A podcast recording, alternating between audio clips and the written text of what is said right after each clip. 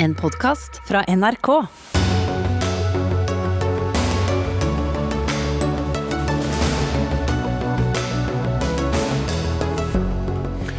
Dystre utsikter fra den nye sentralbanksjefen når hun straks skal holde sin første årstale. Sammenligner tiden vi er inne i nå med de røffe 70-åra. Tverrpolitisk støtte til regjeringens Ukraina-pakke. Nei, vent. Hvor ble Rødt av, og hvorfor vil ikke Frp støtte hele pakken? En Ap-byråd har funnet medisin mot fastlegekrisen. Utvid egenmeldingsperioden fra 3 til 16 dager. Høyre er skeptisk. Og forbrytelse og straff, det vet visst ikke nordmenn så mye om. De fleste tror at domstolene straffer langt mildere enn det de gjør i virkeligheten. Dette er Dagsnytt 18 torsdag. Jeg heter Espen Aas, og i denne sendingen skal vi også til avkommersialiseringsutvalget, der det har vært høyt konfliktnivå. For kort tid siden trakk lederen seg. Men vi starter i et av landets aller sikreste bygg, med veldig tykke myrer, nemlig Norges Bank. Om kun kort tid så går landets nye sentralbanksjef Ida Wolden Bakke på talerstolen i det som heter Speilsalen. Hun skal holde sin aller første årstale. I salen sitter Norges politiske og økonomiske elite, og er spent på hva slags økonomisk værmelding hun kommer med. Og før hun går på talerstolen, skal vi gå kort til deg, økonomikommentator Cecilie Lange Becker. Du står ute i foajeen. Hva er det knyttet mest spenning til i talen? Ja, det er jo den aller første årstallen hun skal holde. så det er klart at uh, Man vil jo se etter signaler. Kanskje hun har lyst til å markere seg på et eller annet vis. Vi vet jo at Tidligere sentralbanksjefer har kommet med litt pekefinger bl.a. til politikerne om oljepengebruk. Kommer Ida Wolden Bakke til å følge det samme sporet og mane til å være forsiktig med oljepengebruken f.eks.? Eller har hun noen andre hjertesaker uh, som hun ønsker å fremme? Dette er jo hennes mulighet til å markere seg litt sånn ordentlig i offentligheten uh, for første gang gang for et stort publikum. Og Vi skal for så vidt komme litt mer tilbake til det senere, Cecilie Lange Becker. Men det er jo ikke noen lett tid vår nye sentralbanksjef har tiltrådt inn i.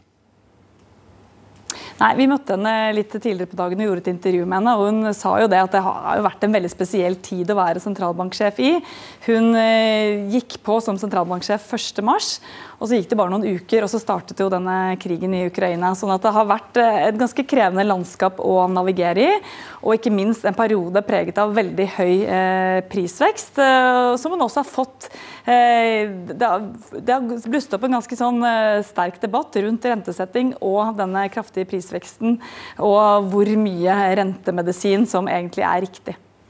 Jeg sa litt tabloid i innledningen her at landets politiske og økonomiske elite sitter i salen. og Hvis du skal være litt mer konkret for vårt publikum, hvem er det som, som sitter her? Det er jo bl.a. tidligere sentralbanksjef Øystein Olsen. Vi har også masse politikere. Siv Jensen kom inn her i sted. Man har masse toppfolk også fra næringslivet. Man har Idar Kreutzer fra Finans Norge. Man har selvfølgelig også Julie Bråttkorp, som jo sitter i, i dette kontrollutvalget for Norges Bank. Så det er liksom det er egentlig det som kan krype og gå av både den litt mer grå eminense i Finansdepartementet Finansdepartementet, SSB og Norges Bank, til de som sitter i regjering, de som har sittet i regjering, og ikke minst de som da sitter helt på toppen av næringslivet. Så det er en god miks. Og det er selvfølgelig stor spenning knyttet til bordplasseringen i kveld. Jeg har selv vært og kikket på hva slags bord jeg selv er plassert ved. Det er nok ganske mange andre som også har gjort inne i salen her, tipper jeg. Og I år så nedskalerer de. Normalt sett har jo denne middagen blitt holdt på Grang. Nå skal de være i et lokale normalt sett brukt for såkalt street food, nær danskebåten i, i Oslo. Ja, det, er, det blir jo omtalt som et litt sånn sprekt eh, sted å ha en sentralbankmiddag, og også ganske sånn sprek eh, mat.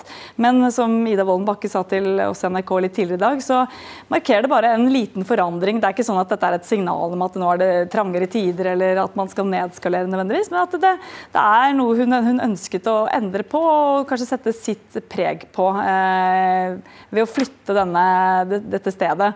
Men en del av det kommer nok til å være likt. Det er, pleier å være en del underholdningsbidrag eh, gjennom, eh, gjennom, kvelden. Og så er det også lagt opp til, eh, sa hun også tidligere i dag, litt mer mingling. Eh, Skal jeg bryte deg av, jeg, eh, Cecilie, og beklager det, for nå kommer Ida Wolden Bakke opp på talerstolen. Vi skal få med oss litt av starten på hennes aller første årstale som eh, sentralbanksjef fra speilsalen i Norges Bank.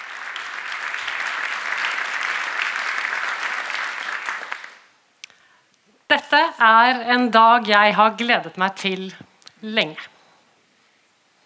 Og endelig kan vi avholde dette arrangementet slik det bør, med speilsalen fylt til trengsel. Det er tre år siden sist. Tre svært annerledes år. Vi har vært gjennom en pandemi og de mest inngripende tiltakene i fredstid. Og vi har vært vitne til Russlands brutale krigføring i Ukraina. Som er en dyp tragedie for Ukrainas befolkning og en alvorlig trussel mot fred og stabilitet i hele Europa. Både krigen og pandemien har hatt store konsekvenser for økonomien. Det siste året har vi fått gjensyn med inflasjonstall vi ikke har sett på flere tiår.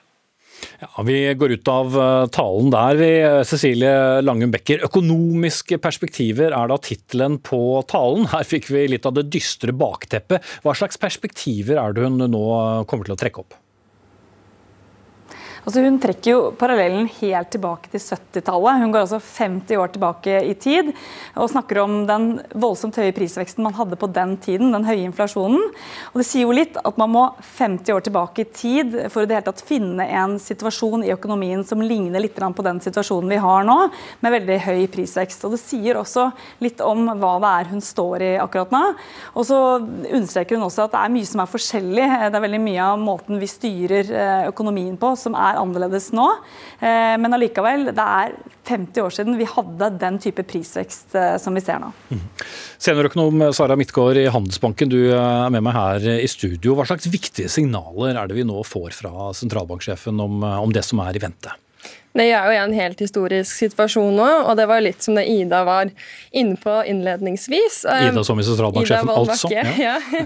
Nei, altså Både krig i Ukraina, vi legger bak oss en pandemi, vi har en prisvekst som vi nå ikke har sett på 50 år.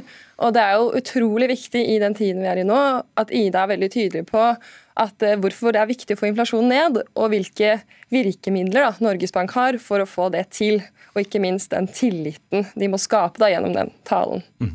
Og Her er det liten tvil om at eh, sentralbanksjefen hun har klokketro på at riktig medisin det er å øke rentene.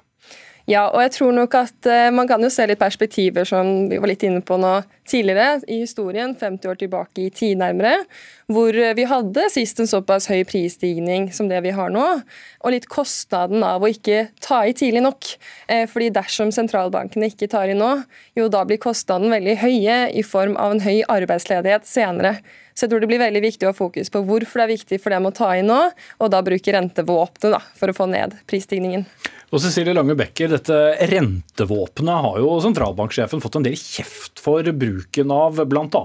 fra LOs eh, sjeføkonom, eh, som mener at dette ikke er nødvendig. Svarer hun dette ut på noen måte? Ja, jeg tolker det som at det er en del nikk til eh, LOs sjeføkonom Roger Bjørnstad. Hun har jo fått kritikk for at at rentevåpenet ikke fungerer like godt når eh, mye av inflasjonen som eh, nå kommer inn, er importert. Altså at vi får prisveksten fra utlandet.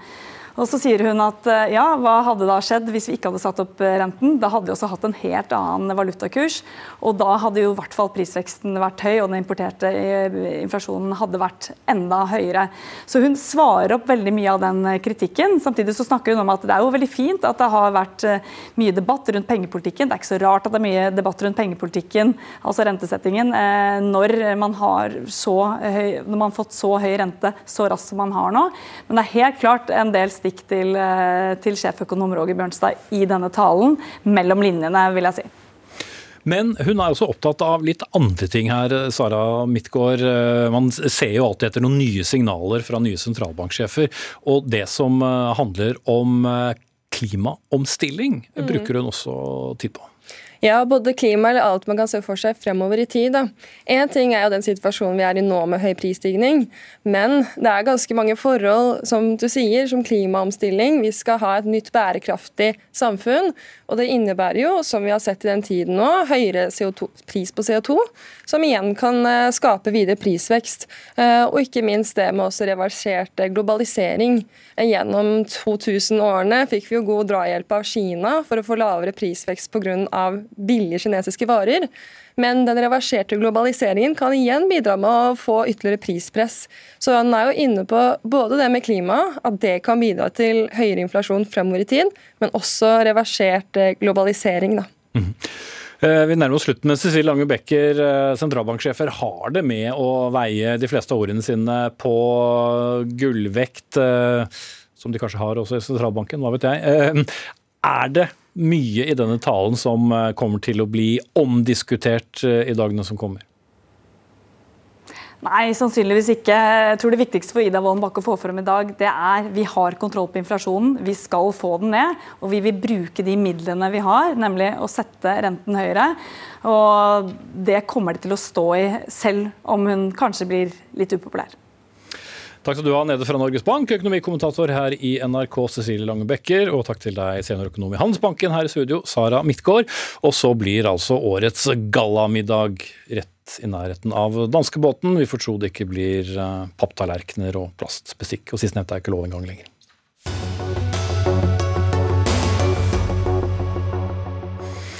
Ja, med den ukrainske presidenten Vlodomyr Zelenskyj digitalt til stede, ble regjeringens femårige støttepakke til det krigsherjede Ukraina presentert på Stortinget i dag.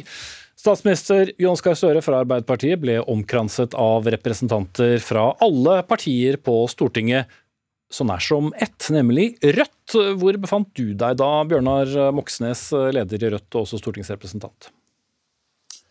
Jeg fulgte nøye med på framleggelsen en etasje under, og så sprang jeg opp i vandrehallen for å besvare den frie presses eh, spørsmål straks seansen var ferdig, og ikke minst for å få fram uh, viktige poenger for oss, som jo var at uh, vi ønsket å delta i støttepakka. Vi støtta både omfanget, varigheten. 15 eh, milliarder hvert år eh, i fem år. Vi ønsket en eh, reservasjon tilsvarende det Frp fikk mot bistand, ønsket de på våpendonasjon. Men vi støtta målsetningene, rammene og varigheten. Og så var det for så vidt regjeringas valg å, gi Frp den muligheten, men ikke Rødt. Men det viktigste er jo når det kommer til votering i Stortinget. og Vi kommer til å støtte det aller meste i pakka eh, når det skal stemmes over der det virkelig betyr noe, som jo er inne i eh, stortingssalen. Mm. Ja, Sylvi Listhaug, leder i Fremskrittspartiet. Rødt må forholde seg til virkeligheten, har du eh, sagt. Men du er jo heller ikke enig i alt i pakken? Nei, men Vi støtter helhjertet opp om all hjelp til Ukraina. Både våpenhjelp, humanitær støtte og til gjenoppbygging når den tid kommer. Eh, det som Rødt reserverer seg mot, er jo våpenhjelpa, som er helt nødvendig. Og hadde alle fulgt eh, Moxnes og Rødts linje fram til nå, ja, så ville jo eh, Ukraina ha tapt kampen for lengst. Så det som egentlig Rødt framstår som, det er jo at vi nå Altså de er mot denne hjelpepakka, mot Nato, mot norsk Nato-medlemskap. Eh, de er da mot også hjelpepakker som vi snakker om i dag, som sagt. De framstår egentlig som Putins beste venn i Norge, og jeg kan ikke forstå at det er noe Moxnes eh, kan leve med. Jeg har sett eh, flere av dine stortingskolleger måtte forklare både til presse og i sosiale medier i dag. Moxnes, er det verdt all støyen? Vi må jo si hva vi står for. og, og Sylvi Listhaug har jo bløffa om Rødts politikk hele dag, så vi må jo, må jo, korrigere det. Men det er jo viktig tror jeg, å understreke overfor befolkninga, og også overfor ukrainske flyktninger i Norge, at Stortinget står samla uh, i fordømmelsen av Russlands uh, invasjon og okkupasjon av Ukraina. At vi står samlet når det gjelder både politisk, eh, økonomisk, humanitær uh, støtte. Men ikke våpen. Vårt forslag Nei, så var vårt forslag at eh, den halvdelen av pakka som da i 2023 er tiltenkt våpendonasjoner, for ville vi foreslå å omdisponere til støtte direkte til ukrainske myndigheter, som de kan bruke slik de selv finner hensiktsmessig. Det er dypt usaklig, eh, men ikke overraskende, at eh, Listhaug later som om det forslaget ikke fins, og later som om det ikke betyr noe med annen støtte. Stoltenberg sa nylig på besøk i Sør-Korea at eh, det at man støtter eh, politisk, humanitært, økonomisk er også viktige bidrag. Så er det en debatt i Rødt om våpendonasjoner, som vi vil konkludert på landsmøtet eh, senere i vår. Men så lenge må vi følge vedtatt politikk og stemme i tråd med det i Stortinget. og Når det kommer dit, så vil jo vi støtte det aller meste av pakka, mm. når det faktisk vedtas i stortingssalen. Mulig Stoltenberg ville poengtert at han ba om noen ting til der, men Listhaug? Ja, det ville Stoltenberg definitivt gjort, og det er jo alle uh, enige om. At uten våpenhjelp så ville Ukraina tapt denne krigen her uh, for lengst. og Derfor så har Rødt stilt seg på feil side av historien. Nå vil jo jeg si at det ser ut til at velgerne til Rødt er langt mer fornuftige enn det partiet. Vi fikk jo i dag en en måling som viste at 66 av Rødt sine velgere vil sende våpen. Vi har tidligere sett at 72 eh, av Rødt sine velgere er for et norsk eh, Nato-medlemskap. Så jeg håper jo at man nå tar inn over seg virkeligheten, som har forandra seg totalt.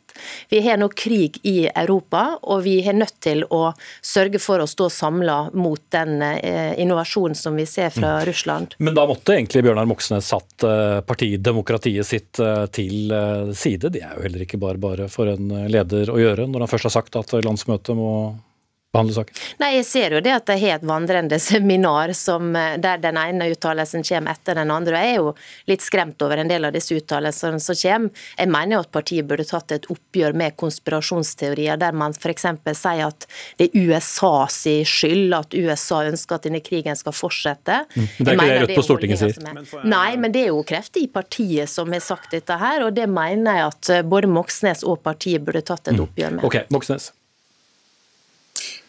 Ja, det er klart at, eh, at eh, den typen uttalelser, eh, det å prøve å legge skylda for krigen på andre enn Putin og Russland, det er ikke Rødts politikk. Og, vært, og jeg har vært veldig tydelige når det har skjedd, og, og vært tydelig i at Rødt fordømmer okkupasjonen og legger ansvaret for krigen der det skal ligge, nemlig på det russiske regimet, som eh, på mange måter er en ren mafiastat. Eh, et ytre, ytre høyre-regime som har gått til krig mot, eh, mot, Ukraina, som vi på det kraftigste fordømmer. Så ja, jeg er enig at vi skal feie for egen dør, og det gjør vi. Og så opplever jeg at Rødt er veldig samla i fordømmelsen av invasjonen okkupasjonen, samla i støtten til Ukraina. Og så er det en diskusjon om våpendonasjoner, som egentlig handler om hvilken rolle Norge kan spille. Men det er mange i stortingsgruppa er ganske enige med stortingsflertallet ellers?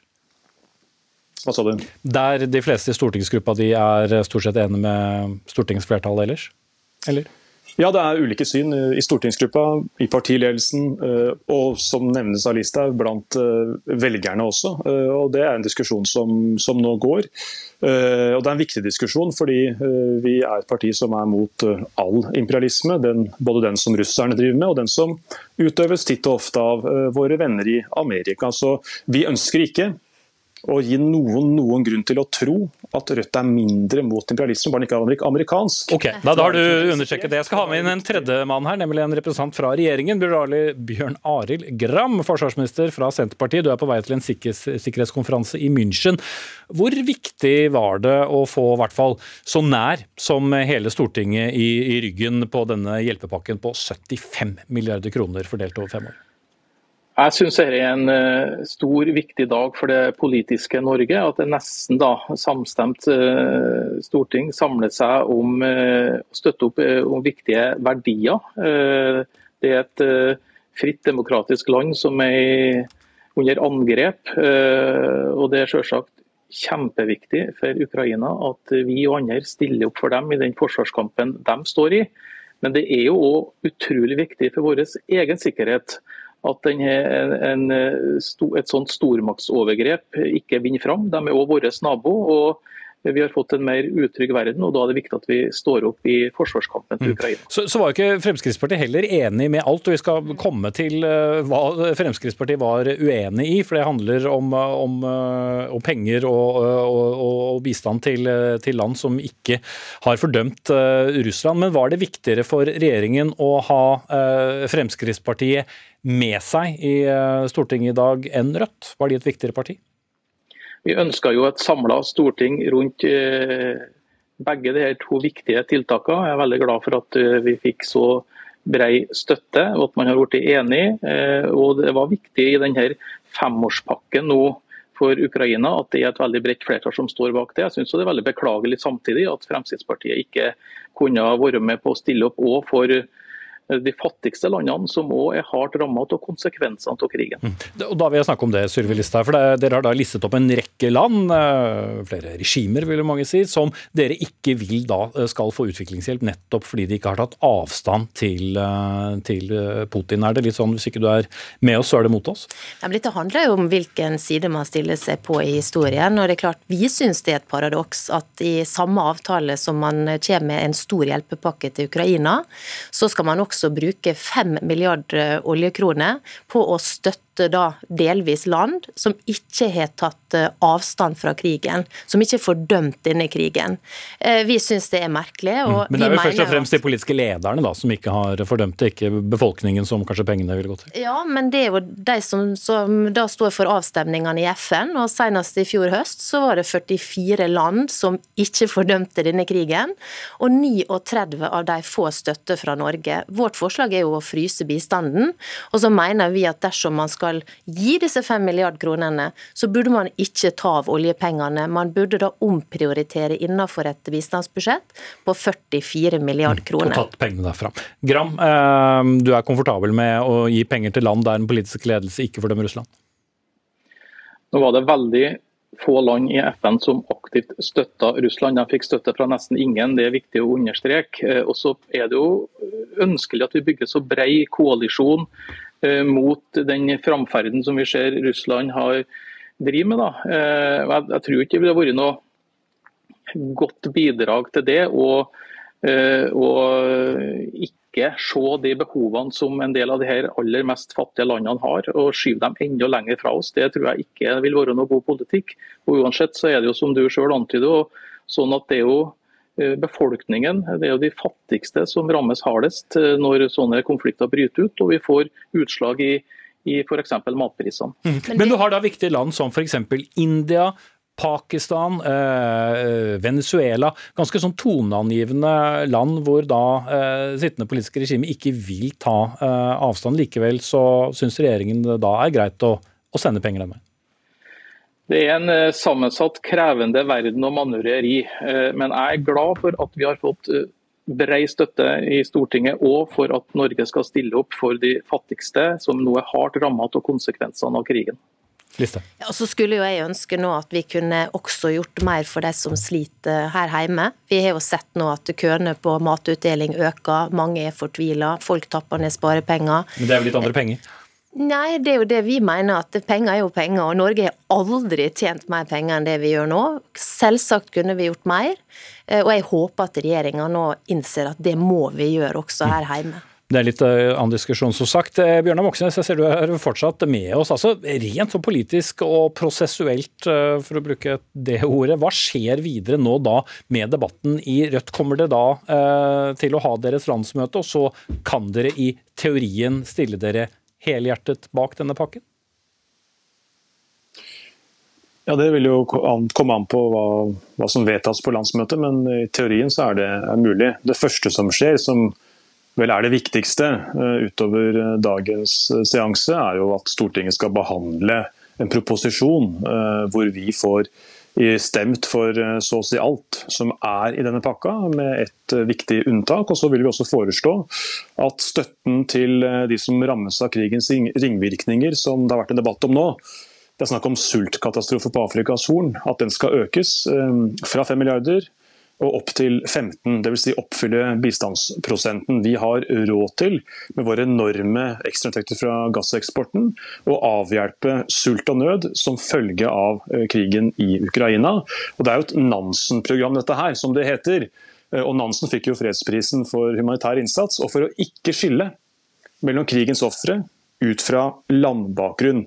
Så at Fremskrittspartiet står bak et Nansen-program er litt ironisk, siden de samtidig da ikke ønsker å hjelpe alle de menneskene som rammes knallhardt som følge av krigen, ikke minst i en rekke afrikanske land. Det er et langt større problem Bjørnar Moxnes, at du ikke ønsker å gi våpen, som ville bety at Putin vinner den krigen.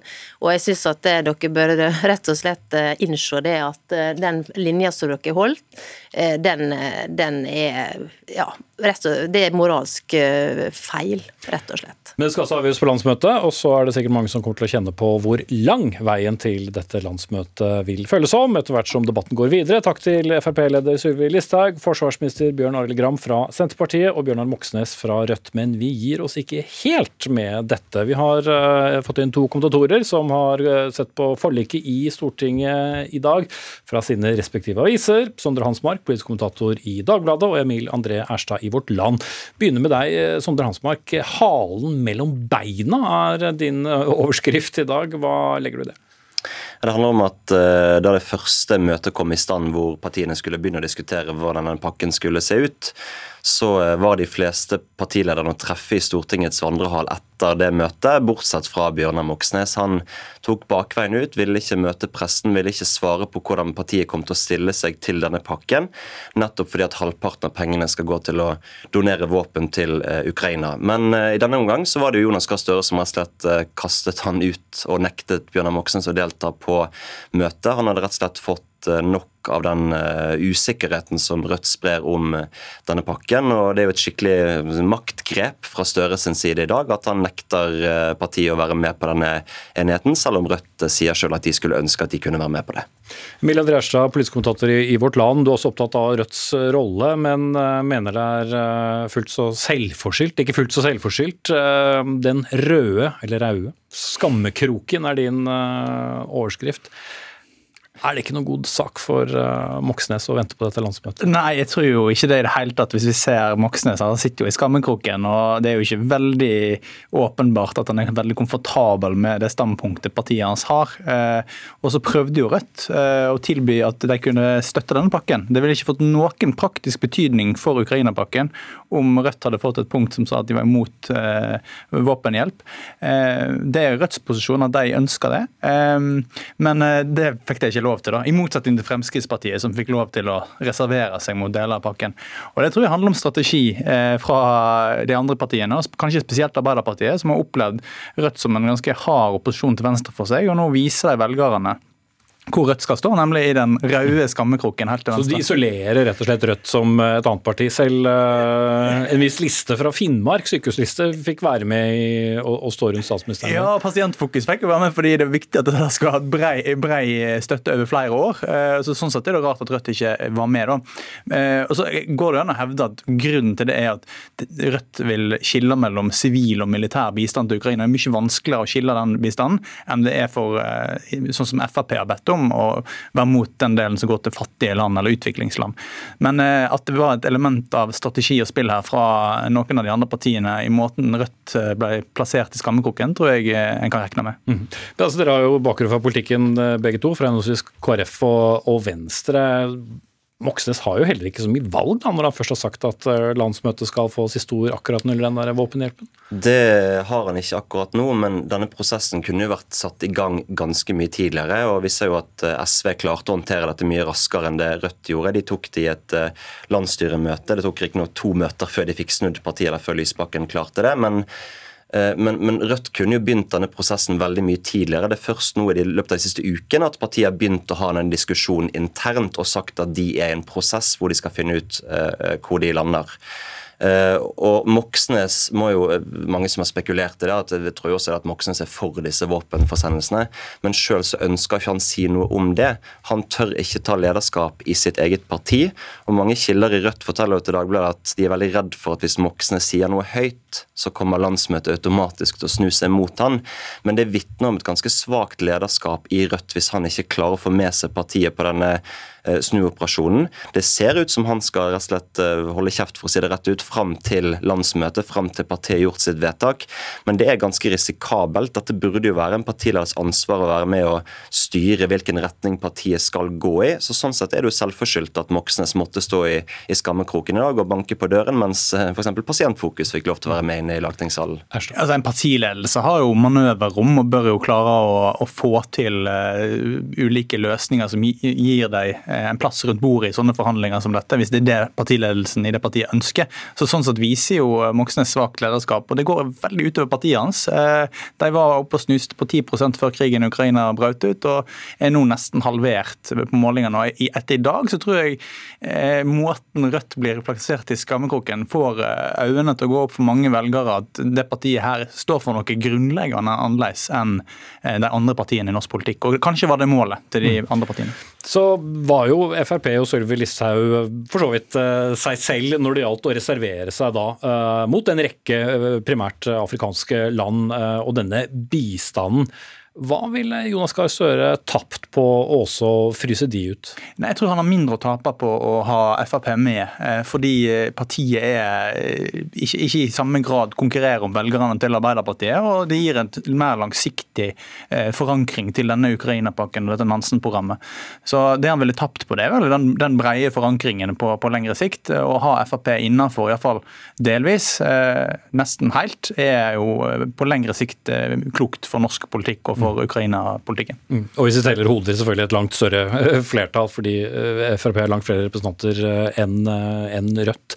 Men Hansmark, vil det også være noe Rødt kan vinne på på litt lengre sikt med å stå på sitt? Det, det, er vanskelig å si. Helt sikkert blant museumsvokterne i Rødt, altså de gamle AKP-ML-ene som, som, de kalles, som som jo har en helt annen ideologisk motstand mot våpeneksport enn det det flertallet av norske velgere har. Men, men, disse velgerne har jo Rødt uansett i lommen sin i dag. Eh, Rødt må jo se på noe som, som, som Erstad sa, at de har sunket ganske mye på meningsmålingene etter at krigen brøt ut. De har nok mistet en del moderate velgerne på veien, som blir skremt av denne type budskap eh, fra Rødt. Og i dag eh, har det blitt veldig tydelig for mange. Man ser det på sosiale medier. Jeg har i hvert fall fått eh, mange som har lagt skjermbilde av utmeldingsskjema i Rødt, og som sier at dette kan de ikke være med på lenger. Det er mange som reagerer og får øynene opp for hvilket prosjekt Rødt egentlig prøver å, å bygge. Så dette tror jeg egentlig bare er et tapsprosjekt for Rødt, og kanskje det sementerer en del gamle AKP-ere, men de ville ikke vært så, så redde for at kom til å gå et annet sted. Det er ikke noe annet sted å gå akkurat i det spørsmålet, i hvert fall, når det gjelder partier på Stortinget. Emil André Erstad, politisk kommentator i Vårt Land, og Sondre Hansmark, politisk kommentator i Dagbladet. Og for ordens skyld, vi sa også til Bjørnar Moxnes at han gjerne kunne svare kommentatorene. Det takket han nei til.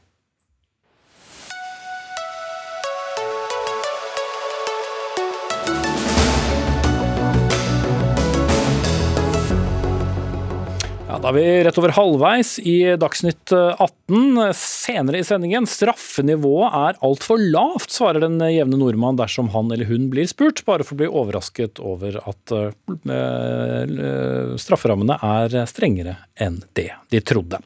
Men nå til et hva skal vi si, friskt forslag for å løse fastlegekrisen. For vi er i en situasjon der om lag 220 000 nordmenn mangler fastlege. Og for å bøte på det, så foreslår helsebyråden i Bergen å kutte ut legen i mange tilfeller, rett og slett ved å gjøre egenmeldingsperioden mye lenger, 16 dager, i motsetning til dagens hovedregel om tre arbeidsdager uten sykemelding fra lege. Og så er det sikkert mange der hjemme som roper ja, men hos oss er det åtte. Ja, det er også riktig hvis du er en såkalt IA-bedrift, altså inkluderende arbeidsliv. Ruth Grung, du er eh, omtalt byråd for helse og omsorg i Bergen, eh, tidligere stortingsrepresentant også. Du foreslo dette i Klassekampen kampen. Eh, er det ikke litt rart å kutte ut legen av alle når det gjelder sykemelding? Nei, altså det vi har opplevd er at det er knapphet på alle typer helseressurser. og eh, Da må vi se hvordan vi skal bruke de fornuftig, og det å fjerne tidstyver. Det å bruke fastlegen til korttidsfravær, sånn som influensa, når du vet at det beste er å ligge under dynen og ta noe febernedsettende, mener vi er en sånn tidstyv. Så har vi gjort en del forsøk. Åtte dager for inkluderende arbeidslivsbedrifter. Bergen kommune med sine 20 ansatte hadde 16 dager under pandemien. og Vi ser at det har ikke vært noe misbruk. Det er faktisk eh, tillitsskapende i forhold til medarbeidere, at de selv kan bestemme liksom, når de føler seg friske nok. Og så ser vi også at eh, når det gjelder sykemeldinger, så blir det ofte sykemeldt for en uke eller to. Og Forskning også viser at eh, når du bruker egenmelding, så kommer du tilbake til jobb når du føler deg frisk, sånn at det egentlig reduserer sykefraværet. Og når jeg har foreslått dette, så har jeg fått fantastisk tilbakemelding. ja, men det var jo litt overraskende, for jeg syns det Du trodde du skulle få kjeft? Du skal få litt nei, motstand. Du skal få litt, nei, men du skal få litt motstand i, i studio her, da, Grung. Fastlegene som er mest aktive og gir tilbakemelding. Ja. OK, uh, litt. Eh, Tone Wilhelmsen Trøen, du er leder av helse- og omsorgskomiteen på Stortinget fra Høyre. Da vi snakket med deg før sending, så var, var ikke jubelen like stor hos deg. Hva er du skeptisk til? Fordi jeg er opptatt av å løse fastlegekrisen. Eh, og det viktigste er jo å sikre eh, rask tilgjengelig helsehjelp for pasienter. Eh, det er jo derfor vi er opptatt av at vi skal sikre at alle innbyggere har en fastlege. Og jeg mener dette er et blindspor. Innbyggerne og pasientene er ikke tidstyver. Det er helt andre tiltak som vi må fortsette å jobbe med for å sikre at fastlegene bruker tiden pasientnært. Mm. Men er det ikke bare et regnestykke, da? Hvis du har eh, færre som kommer for å, etter tre dager fordi de ikke har blitt friske og må ha denne sykemeldingen, så kunne du jo heller brukt eh, tiden på sykere pasienter? Ja, men Fastlegen er den nærmeste helsehjelpen vi har. Eh, den skal være nær og rask og tilgjengelig. Og det kan være viktig for pasienter og innbyggere eh, å komme raskt til fastlege. Eh, og Derfor så, så, mener jeg at dette er feil. Så forstår jeg jo at, at helsebyråden har utfordringer. Eh, I, I, november i fjor så fikk hun en forvaltningsrevisjon i Bergen som viser at én av fire fastleger i Bergen er over 60 år, og at den revisjonen viste at man ikke hadde noen plan verken på lang eller kort sikt for å løse det. Og i tillegg så har de ikke oppdatert sin plan, mm.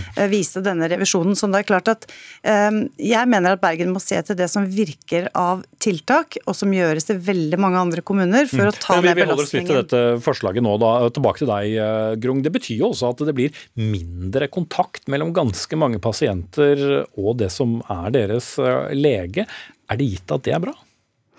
Nei, altså hvis du er alvorlig syk, så bruker du selvfølgelig fastlegen. Og Det er jo derfor eh, det er viktig å reservere den tiden til de som er alvorlig syk og så trenger den legehjelpen. Og eh, Bergen kommune vi har 256 legehjemler. Vi har eh, alle sammen besatt. Men det er en utfordring å rekruttere nye. Men nå har vi jo klart det også, å rekruttere nye. Og dette er jo ikke det viktigste tiltaket, men én av mange. For vi må klare både å rekruttere nye, og vi må holde på de vi har. pluss at vi må se på hvordan er innholdet i den tiden hvor jobb, eh, altså når fastlegene jobber. Og da er, Jeg har spurt flere fastleger. De bruker veldig mye tid på å skrive ut legeerklæringer og sykemeldinger på korttidsfravær. Så tilbakemelding, så det er jo viktig kanskje at Trøen har god kontakt med fastlegene og eh, Legeforeningen, også Allmennlegeforeningen, og ha dialog med de også for å se på hvilken tiltak som virker positivt. Trøen. Og så er det veldig mange ja, andre tiltak. Slipp til, eh, til Trøen. Ja, det har jeg, Ruth Grung. Og det som også er et faktum, er jo at Legeforeningen og Kommunenes sentralforbund og staten er jo enige om hvilke tiltak som skal til for å styrke, stabilisere og redde fastlegeordningen. Eh, dette tiltaket som, eh, som kommer som forslag nå, er jo ikke et av det. Det som er det aller viktigste, er at vi klarer å redusere belastningen fastlegene står i. Da må de ha færre pasienter på listene sine. De må um, jobbe pasientnært, men vi må sørge for at vi fjerner de oppgavene som er tidstyver. Men det er jo ikke pasientene. Det er andre typer rapporteringsoppgaver som, som legene også mener at vi skal se på. Og så uh, må man jobbe klokt. Og det er et viktig kommunalt ansvar å ta ansvar for fastlegeordningen. Jeg var i nabokommunen til Ruth Grung, Øygarden, for et par uker siden. De har jobbet intenst i ti år de, og har sikret en fastlegeordning som, som fungerer veldig godt ved å ta i bruk mange av de tiltakene som ligger i den handlingsplanen som jeg også mener at, at Bergen kommune bør, bør, se til, og det gjør dere sikkert også, Ruth Grung. Kan du svare på det?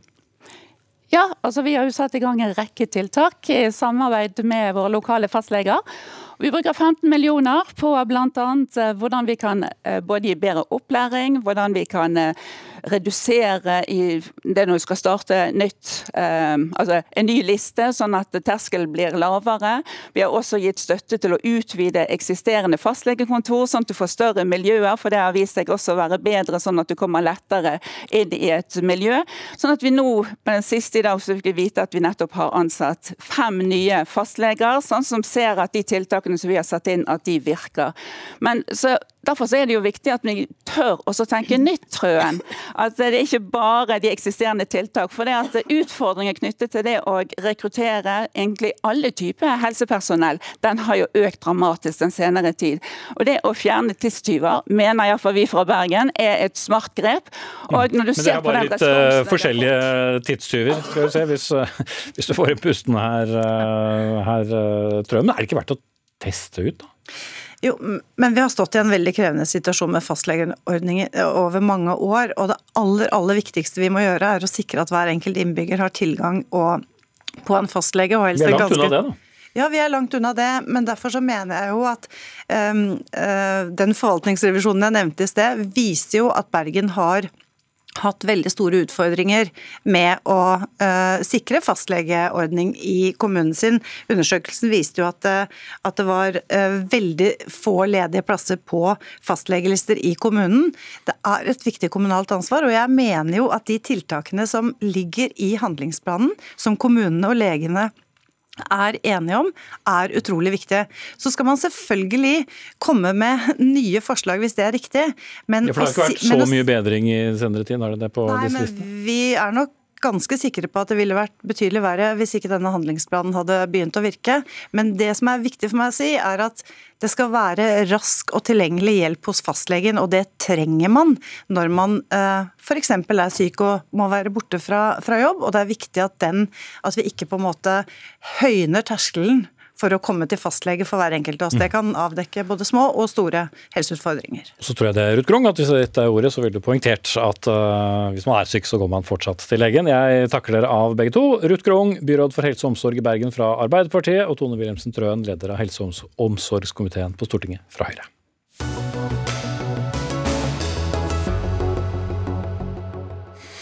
Lederen av det regjeringsoppnevnte avkommersialiseringsutvalget, toppbyråkraten Tor Sagli, trakk seg i ettermiddag fra vervet. Dette er et utvalg det har vært veldig mye støy rundt, særlig gjort kjent gjennom eh, flere artikler i Aftenposten. Dette utvalget skulle altså utrede hvordan kommersiell drift kan fases ut fra en rekke velferdstjenester, men konfliktnivået har altså vært svært høyt. To medlemmer nektet eh, å møte pga.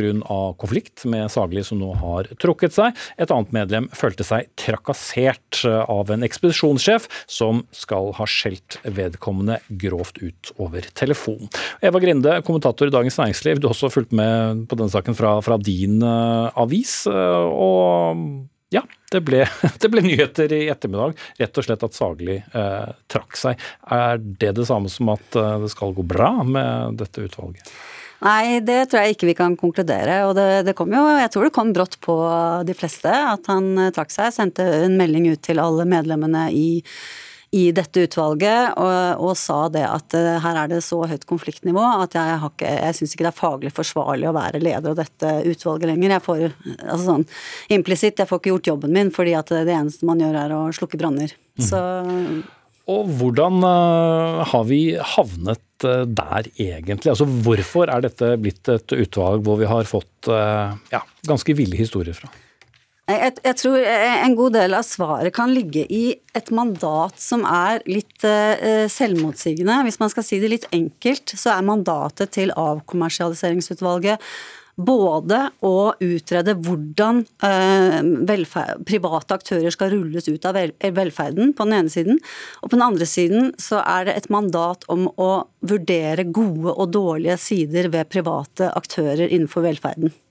Og når du sitter med et mandat som sier begge disse to tingene, i et utvalg som har medlemmer både fra Eh, en side som er veldig opptatt av å avkommersialisere velferden, og f.eks. Private Barnehagers Landsforbund og NHO. Som, som, er veldig for? Som er veldig for å ha bedrifter eh, som, eh, som, ja, blant sine medlemmer, ikke sant? som får beskjed på en måte å, å liksom utrede hvordan de kan eh, rulle ut seg selv. Da. Det, det ligger i sakens natur at dette er vanskelig. Og bakom her så ligger det jo et veldig, veldig kontroversielt politisk spørsmål.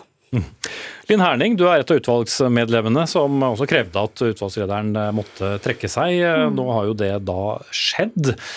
Men hva nå? Nei, det vet jeg ikke. Det er fortsatt ganske åpent hva som skjer med utvalget videre.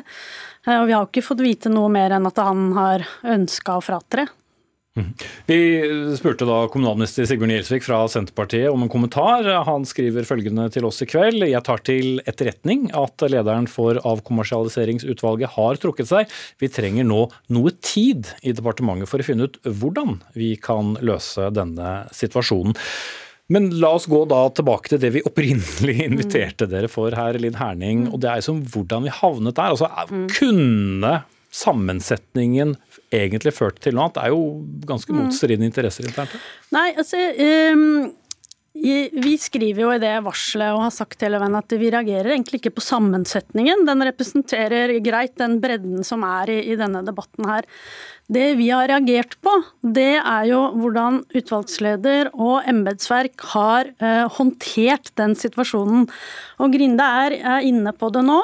Eh, det er eh, som om at denne enkeltstående setningen, som altså Tor Sagli har trukket fram, Civitas Kristin Clemet har trukket fram, og Grinde nå trekker fram, som altså er én setning hvor det står at man skal, eh, skal utrede eh, den nå-situasjonen, eller fordeler og ulemper. Men det er jo også en setning som sneik seg inn på litt rart vis helt på slutten, og som vi fortsatt ikke helt vet hvor kommer fra, eller hvordan eh, kom inn. Men den står da mot et mandat på godt over tre sider som, og et tittel og et hovedoppdrag som sier at formålet er å se på ulike former for avkommersialisering. Og vi har hele tiden anerkjent at den setninga står, i hvert fall fra vi fikk presentert det mandatet. Men det har vært et spørsmål om hva som er hovedvektleggingen.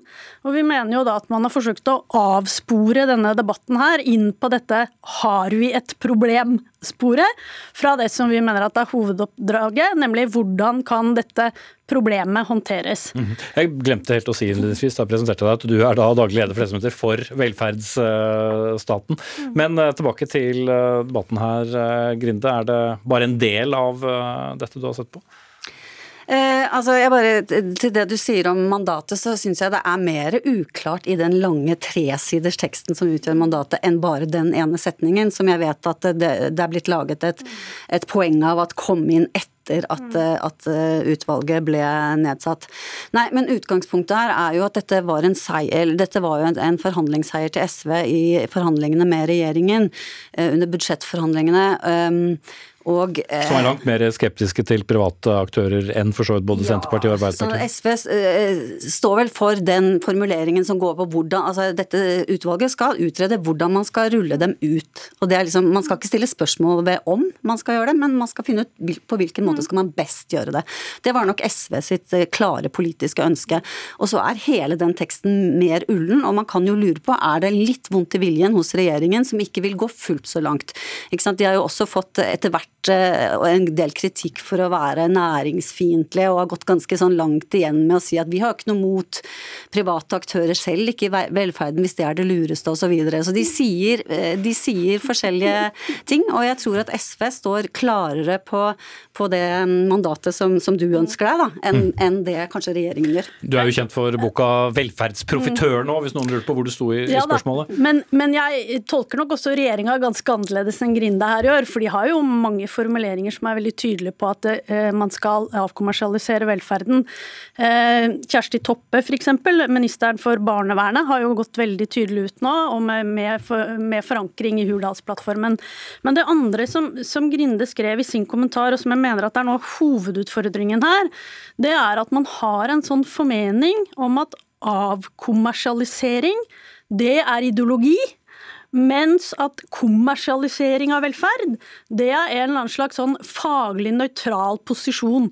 Og Det er jo en, en, en formening som vi nå har møtt på både i embetsverk og utvalgsleder og kommentatorer, og som jeg reagerer veldig på. Fordi at det, eh, det vi også har har påtalt, er jo at um, utvalg eh, det er en demokratisk institusjon. og For at en demokratisk institusjon skal fungere, så må man respektere det politiske mm. mangfoldet som er. Ja, altså Det er litt vanskelig å finne nullpunktet her, da, men hvor vil du sette det, Eva Grinde? Altså... Jeg vet ikke akkurat hvor jeg vil sette nullpunktet, men jeg tenker altså at motsatsen til avkommersialisering er jo ikke 100 kommersialisering. Altså et, et, Motstanderne til, til de som sier at all velferd skal avkommersialiseres, sier jo ikke at den at, at, det er det mot som, motsatte som skal skje, men man tenker kanskje at det politiske målet er å, å skape gode tjenester til borgerne, og at det kan gjøres på en, et mangfold av måter, og at man er mer pragmatisk innstilt til hvilke til men, men, det er vel også en politisk ideologi å ønske en ytterligere kommersialisering av velferd?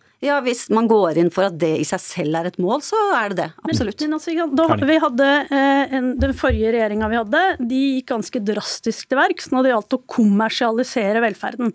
Og så har den regjeringa vi har nå sagt at vi vil dra dette nå tilbake, og så har SV sagt at vi går lenger enn det.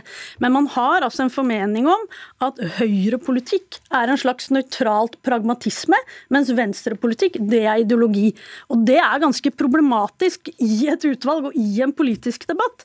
Eh, og det er en sånn gjenganger i dette her. Utvalgsleder refererte du nå, at han mente at vi ikke kunne gjøre dette på en faglig måte nå.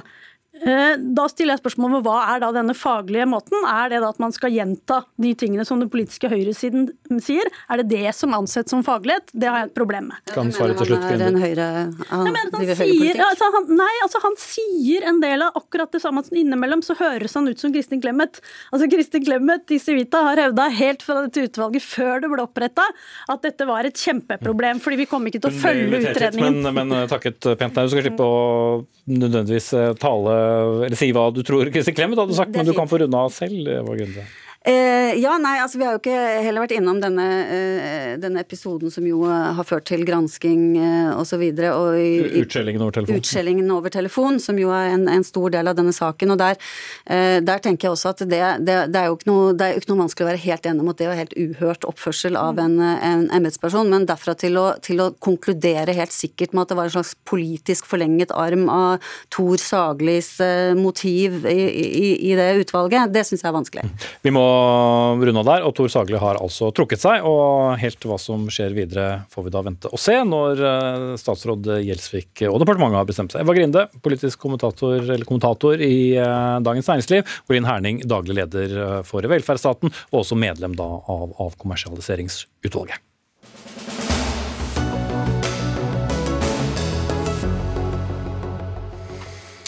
Hvor eh, strenge straffer har vi egentlig i Norge, og trenger vi strengere straffer? Vel, det er ganske stor forskjell på hva vi faktisk eh, har av gjeldende straffer, og hva folk eh, tror, og hva vi synes vi mener videre. Vi har fått mange funn iallfall i en ny rapport om folks rettsoppfatning fra velferdsinstituttet NOVA. Lars Roar Frøyland, du er forsker ved Oslo OsloMet og en av dem som står bak denne rapporten.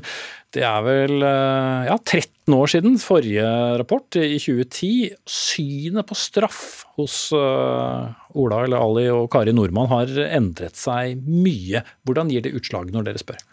Det har endret seg ganske mye, ja, som du sier. Altså I 2009, hvor undersøkelsen ble gjennomført, faktisk, så var det jo 63% av deltakerne som svarte at de mente man burde ha strengere straffer i Norge. Mens nå har jo dette sunket ned til 38% Det er en ganske stor endring på disse ja, 14 årene som har gått. da. Og, så det er jo en helt markant endring i straffevilligheten til folk i Norge i løpet av disse årene. Mm. Men også forståelsen av straffenivået er ganske interessant i denne rapporten. Ja, altså det er jo kanskje ikke et nytt funn, men vi finner jo det at folk undervurderer ganske kraftig straffenivå i Norge. Eh, det gjorde de også i 2009, bare for å ha lagt til det. Men eh, ja, og, på, på hvilke måter da? Nei, altså Når vi ber folk om å vurdere konkrete straffesaker, så ser vi jo det at folk selv tror at straffene er mye lavere enn det de faktisk er. Så det, de plasserer seg godt under det faktiske straffenivået for de fleste typer kriminalitet vi har med i studien vår. Mm. Og Hva er typiske saker som det da er mye engasjement rundt straffenivå på? Nei, altså Dette er jo litt ulikt, fordi det er en del engasjement rundt saker med personskade, altså seksuallovbrudd, voldtekt, vold. Eh, og så er det også en del engasjement rundt f.eks. bruk og besittelse av cannabis, som vi har med også i, i, studien her, og det har vi også sett eksempler på. Mm. Og Hvis vi tar da til det første, f.eks. Eh, voldtekt og seksualforbrytelser, så, så tror folk at det straffes langt lavere enn det gjør i virkeligheten? Det gjør de. Eh, altså Folk eh, mener jo at dette her er alvorlig kriminalitet, og at det bør straffes strengt. Men samtidig så undervurderer de hva det faktiske straffenivået er. Eh, så ja, så det stemmer. Mm. Og så er det jo interessant eh, det andre poenget ditt, eh, som da handler om besittelse av ulovlige narkotiske stoffer. For der har også vært en stor endring i folks rettsoppfatning. Kanskje mer i tråd med Høyesterett enn med hva stortingspolitikerne vedtok når det gjaldt rusreform? Ja, det stemmer jo i og for seg det. Men altså, vi vet jo i og for seg lite om at dette har vært en endring. Men det vi finner, er i hvert fall at det er en ganske stor støtte til at dette er ikke noe som bør straffes, og det hører ikke hjemme i straffeapparatet. Samtidig som det også er en ikke ubetydelig del av deltakerne som mener at det bør straffes. og Det er ganske tydelig polarisering akkurat når det kommer til bruk og besittelse av cannabis. Og bare for å legge til, så har vi ikke studert andre narkotiske stoffer enn det, så det kan jo også være skiller der. Og litt geografiske forskjeller, eller om man bor urbant eller ruralt? Det er det. altså Støtten til straffefrihet er mye større urbant enn ruralt, og også blant yngre enn eldre deltakere i undersøkelsen. Mm. Jon Erik Vika, statssekretær i Justisdepartementet fra Senterpartiet. Var det oppsiktsvekkende ting du leste i rapporten? Ja, jeg vil jo si at det er oppsiktsvekkende, men også veldig interessant. Siden det er gått såpass mange år siden vi hadde forrige rettsoppfatningsrapport, så, så, er det veldig, veldig, spennende å se den holdningsendringen, eller signalene på holdningsendring, som da kommer frem i denne rapporten her. Mm. Ditt eget eh, parti var jo veldig skeptisk til forslaget til eh, rusreform, og det gikk på Stortinget. Viser funnene her at dere er litt i utakt med folk? Nei, jeg, jeg, tror ikke vi skal si at vi er i utakt med folk. For det som også blir sagt i, i den rapporten som kommer frem, er jo holdningen til det å, å, gi eh, hjelp, altså rehabilitering, den er veldig veldig stor. og Det er også det som er et av hovedpunktene innenfor eh, hva det måtte være av, av straffebud, også narkotika. Så er rehabilitering som er et viktig poeng. og Så er vi jo ikke ferdig debattert akkurat når det gjelder eh, hvor vi skal legge lista i forhold til narkotikaen. da. Men dere hadde en klar oppfatning om det? Ja, Senterpartiet har hatt en veldig klar oppfatning om det. Og den harmonerer ikke helt med det som er av svar her? Eh, du, vi er nok på den ene eller andre sida av det, helt klart. Men eh, hva kan da være årsaken til eh, denne endringen eh, når det gjelder forholdet til eh, strenge straffer? At vi har fått en litt annen holdning til dette, Frøyland? Det blir jo kanskje spekulasjoner, men det er jo et såpass langt tidsrom, da? Ja, altså det, spekulasjoner blir det jo absolutt. Men altså det, det, har jo skjedd noen straffeskjerpelser i denne perioden. altså Særlig for uh, seksuallovbruddene, men også for vold så har det jo blitt strengere straffer siden den forrige undersøkelsen. Muligens spiller det inn, men samtidig så var jeg jo inne på i stad at folk vet jo egentlig ikke hvor strenge straffene er. Så det spenner jo litt bein under det, det argumentet. Og så kan det jo også være en form for hva skal man si, holdningsoverføring. Altså Vi har jo hatt denne cannabisdebatten, vi har hatt rusdebatten, hvor veldig mange argumenterer for at her må det lettelser til. Og det kan jo godt hende at det også smitter over på uh, den generelle holdningen til hva man tenker. Men vi har ikke noe sånn tydelig svar å komme med på akkurat dette. Altså. Mm. Mange politikere Vika, er jo opptatt av at eh, straffenivået også skal ha en preventiv eh, virkning. men at nordmenn går rundt og tror at vi har lavere straffenivå enn det vi faktisk har, må vel også være overraskende? Ja, det er faktisk det. og Der har nok vi en vei å gå når det gjelder folkeopplysning. fordi når man får en så tydelig eh, tilbakemelding på at man faktisk tror at straffenivået er lavere enn det egentlig er, så, så, er det noe vi må gjøre, og det er folkeopplysningsarbeid. At man blir klar over de straffebudene vi har, og, og hvilken straff. Hvis ikke så, så, mister vi noe av effekten av det å kunne ha en preventiv virkning. Og så er det ikke sånn at det nødvendigvis det er de høye straffene som er de beste, men det er den der kombinasjonen av rehabilitering som er så veldig veldig viktig. For det, man skal jo komme tilbake igjen til samfunnet og fungere. Det er ingen tvil om. Jon Erik Vika, statssekretær i Justisdepartementet fra Senterpartiet, og Lars eh, Roar Frøyland, forsker ved Oslo OsloMet eh, og NOVA. Og for oss som driver med journalistikk, så vet vi at eh, det er ikke alt man trenger å sjekke så nøye, selv om man har sterke meninger om det. Bare se på Twitter. Anne Katrine Førli var ansvarlig for denne sendingen. Eli Kyrkjebø tok seg av det tekniske. Jeg heter Espen Aas. I morgen er Sigrid Lise Solhaug på plass med ukens siste Dagsnytt 18. Takk for nå.